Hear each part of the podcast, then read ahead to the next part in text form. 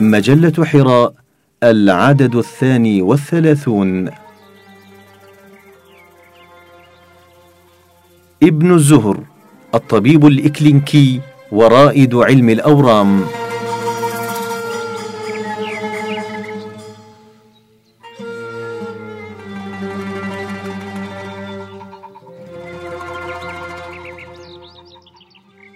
عبد الملك بن أبي العلاء بن زهر هو أبو مروان ولد بإشبيلية في زمن تقدره دائرة المعارف الإسلامية بأنه بين عامي 484 و 487 تلقى علوم الأدب والفقه والشريعة وبلغ فيها منزلة عالية ثم علمه أبوه الطب ولم يمر وقت طويل حتى بارز أستاذه في الطب وفاقه في كثير من مسائله الدقيقة.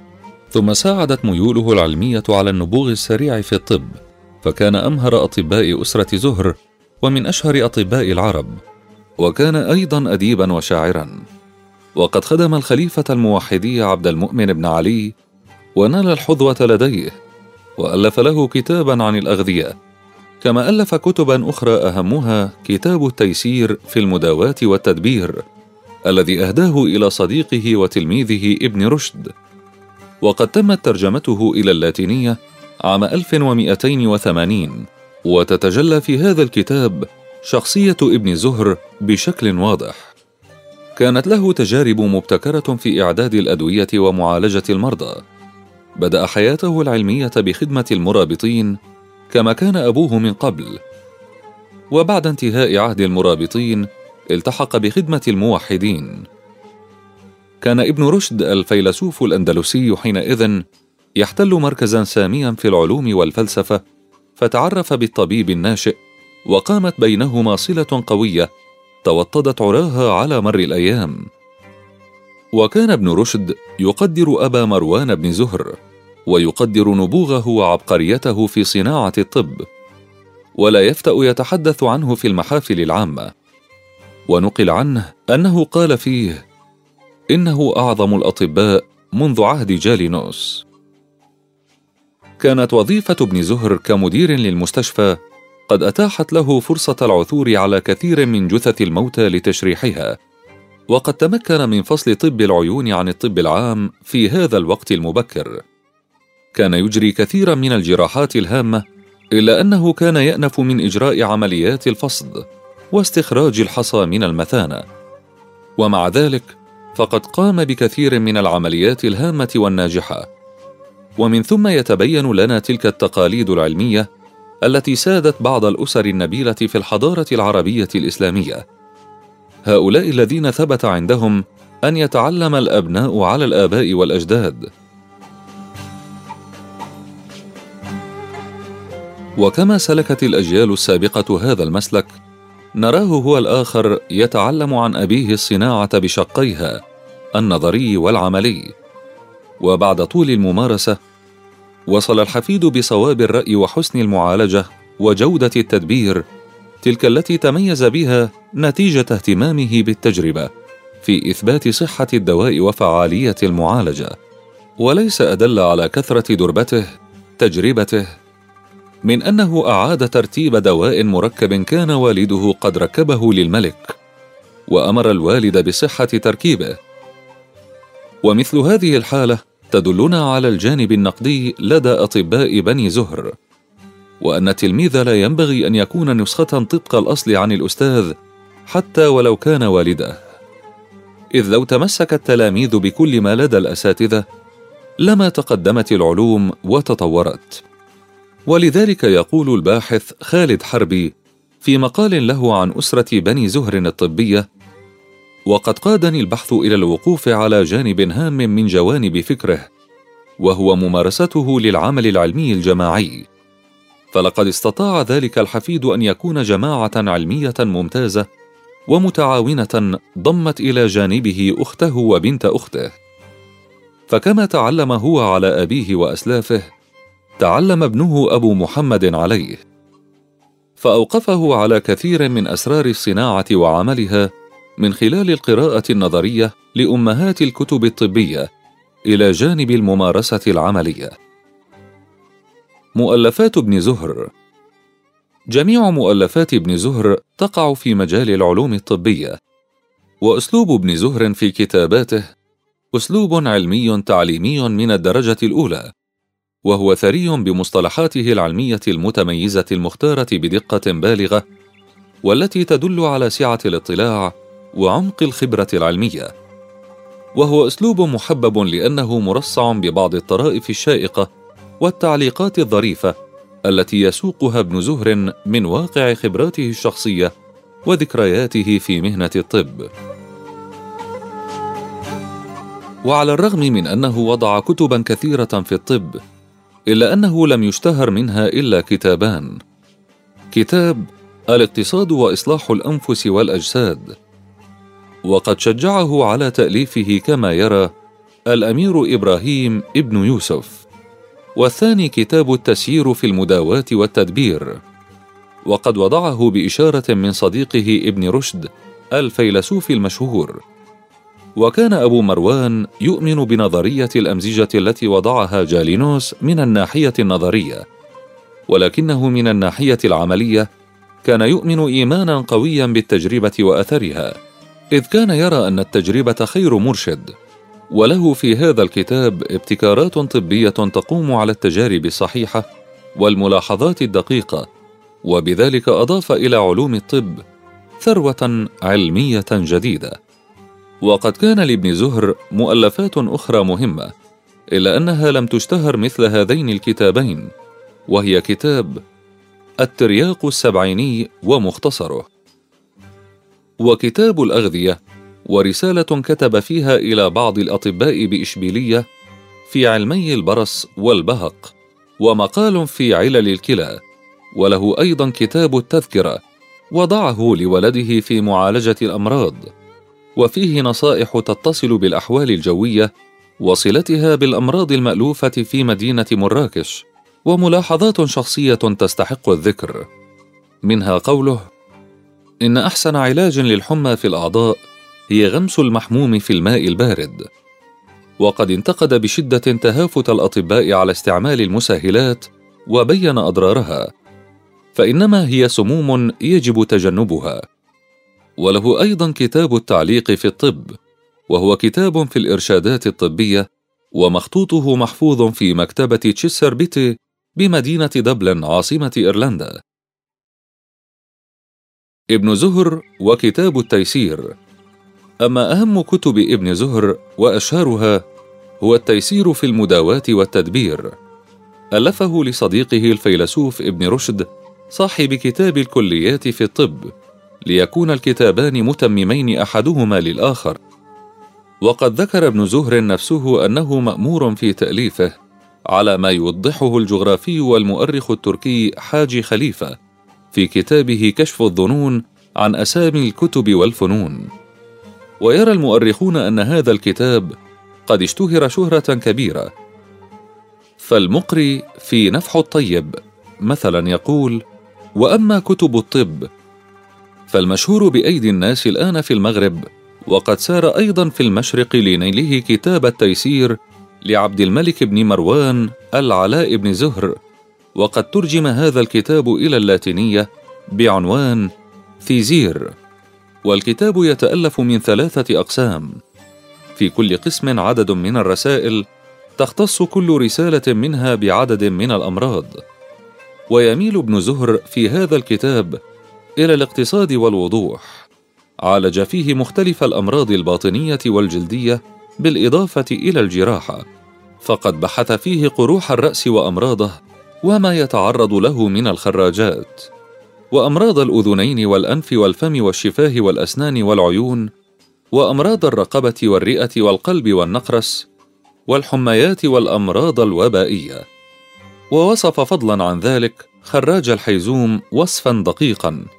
لأنه كان مصابا به كما وصف التهاب غشاء القلب وفرق بينه وبين التهاب الرئة وناقش فيه كتاب القانون لابن سينا والكتاب الملكي أو كما يسمى أيضا كتاب كامل الصناعة للمجوسي واتهمهما بالإطالة. كما كان له اهتمام كبير ببيان فضل التغذية الصناعية وشرح طريقتها بدقة ومهارة فائقة. سواء أكانت بطريق الحلقوم أو بطريق الشرج. ولا شك أن تأليف ابن زهر لمثل هذا الكتاب في ذلك العصر عمل أصيل دعاه إلى إنجازه ابن رشد.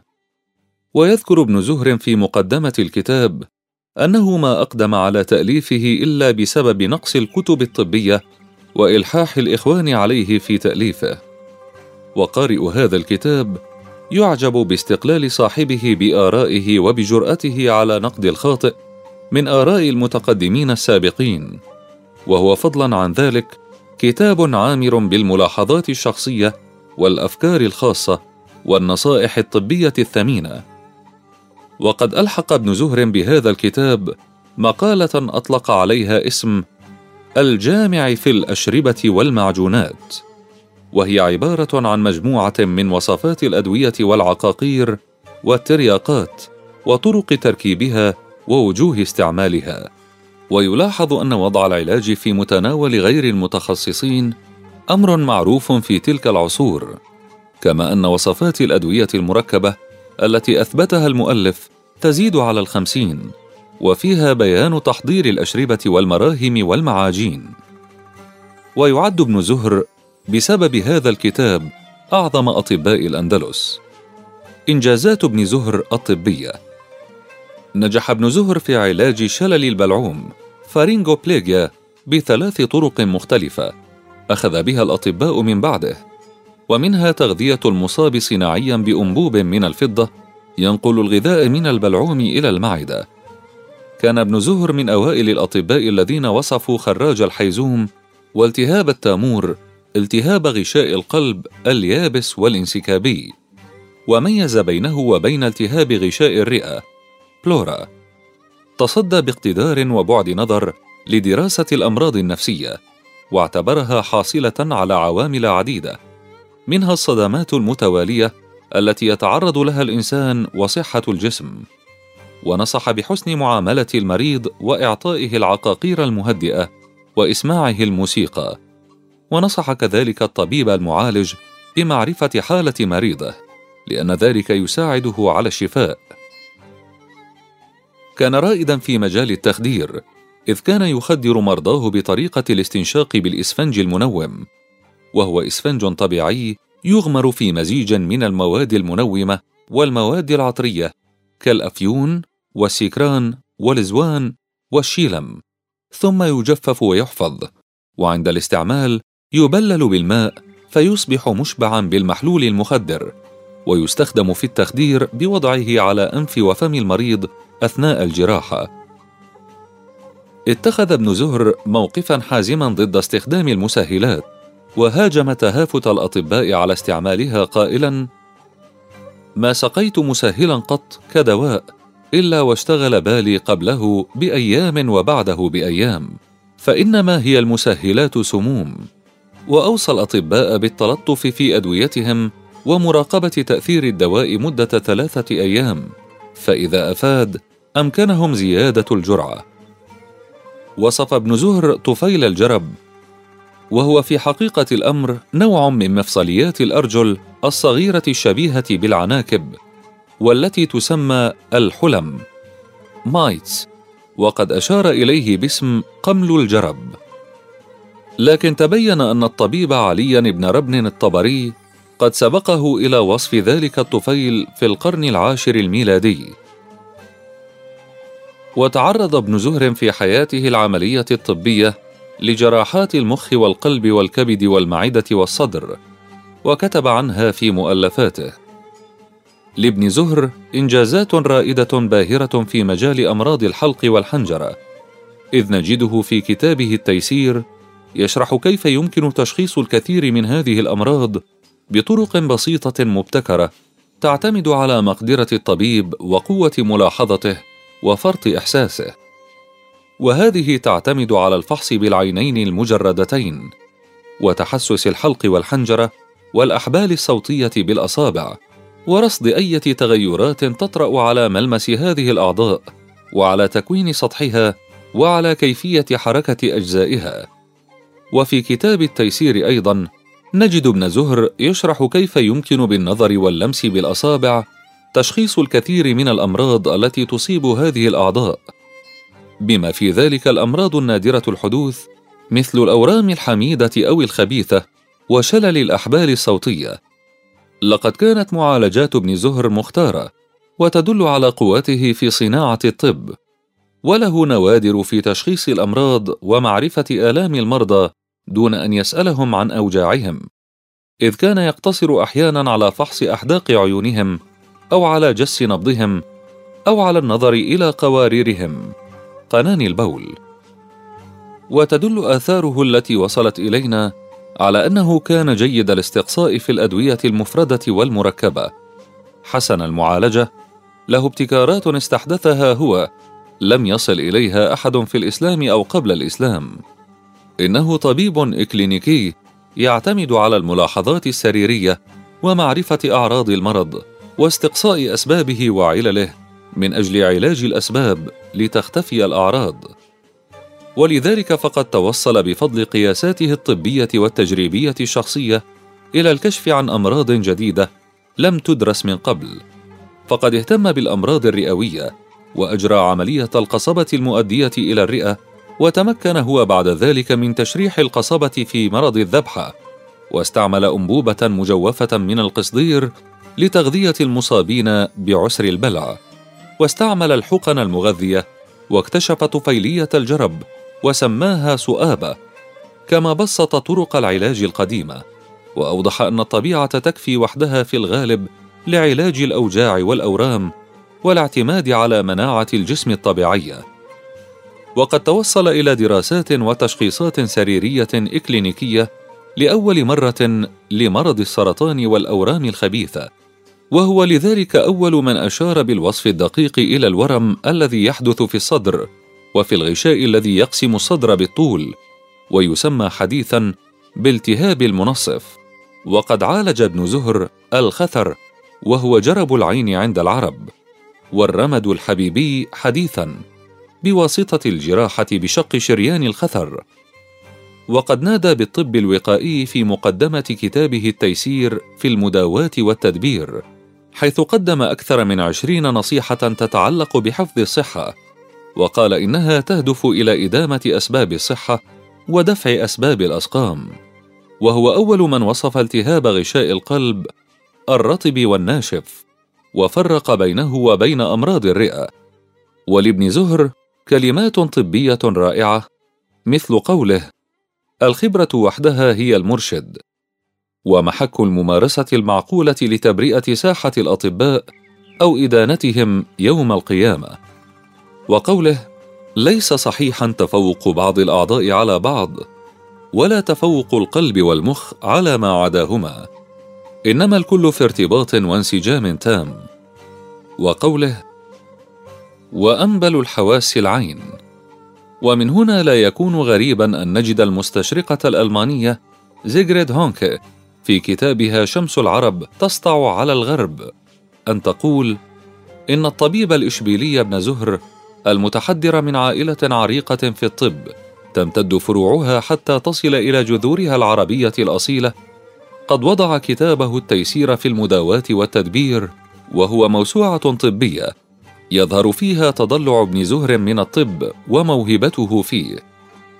ولقد أضاف ابن زهر كثيرا من الاكتشافات العلمية وأتقن كثيرا من الممارسات الطبية العملية التي جعلت من صاحبها أشهر وأكبر أعلام الطب العربي والإسلامي في الأندلس وعملت على تطور وتقدم علم الطب في العصور اللاحقة حتى وصلت إلى الغرب الذي عرفه باسم إيفنزوار.